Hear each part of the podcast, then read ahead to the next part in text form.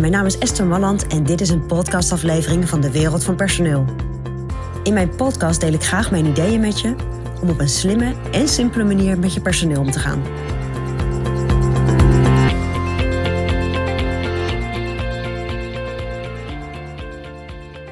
Ja, nieuwe medewerkers in je bedrijf. Fantastisch natuurlijk, hè? Extra handjes erbij. En weer fijn dat er nieuwe mensen zijn die met nieuwe blik en een frisse blik weer eh, bij jou aan het werk gaan.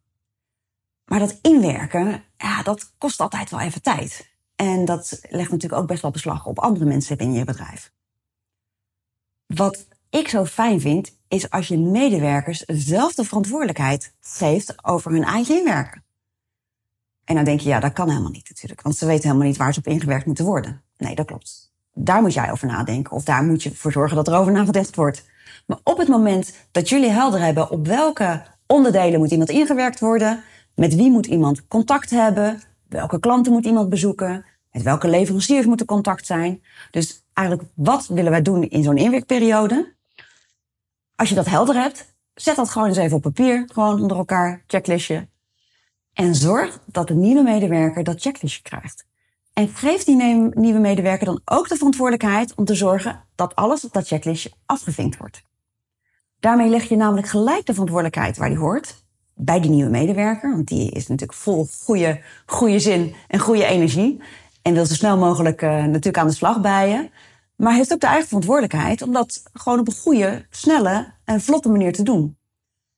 Doordat iemand zo'n lijstje krijgt, weet degene ook waar de informatie gehaald moet worden, welke informatie gehaald moet worden.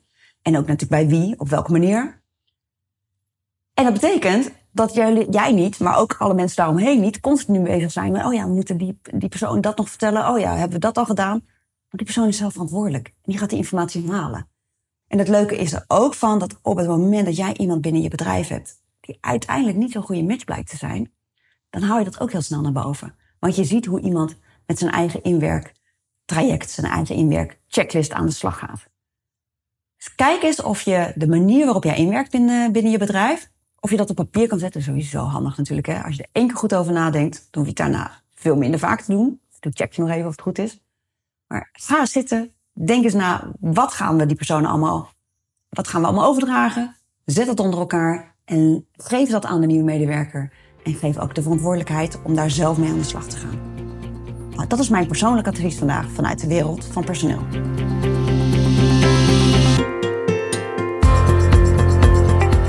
Wil je ontwikkelingen in de wereld van personeel blijven volgen? Abonneer je dan op ons podcastkanaal. ook op onze website vind je allerlei slimme ideeën en adviezen. Dus kijk even rond op www.dewereldvanpersoneel.nl.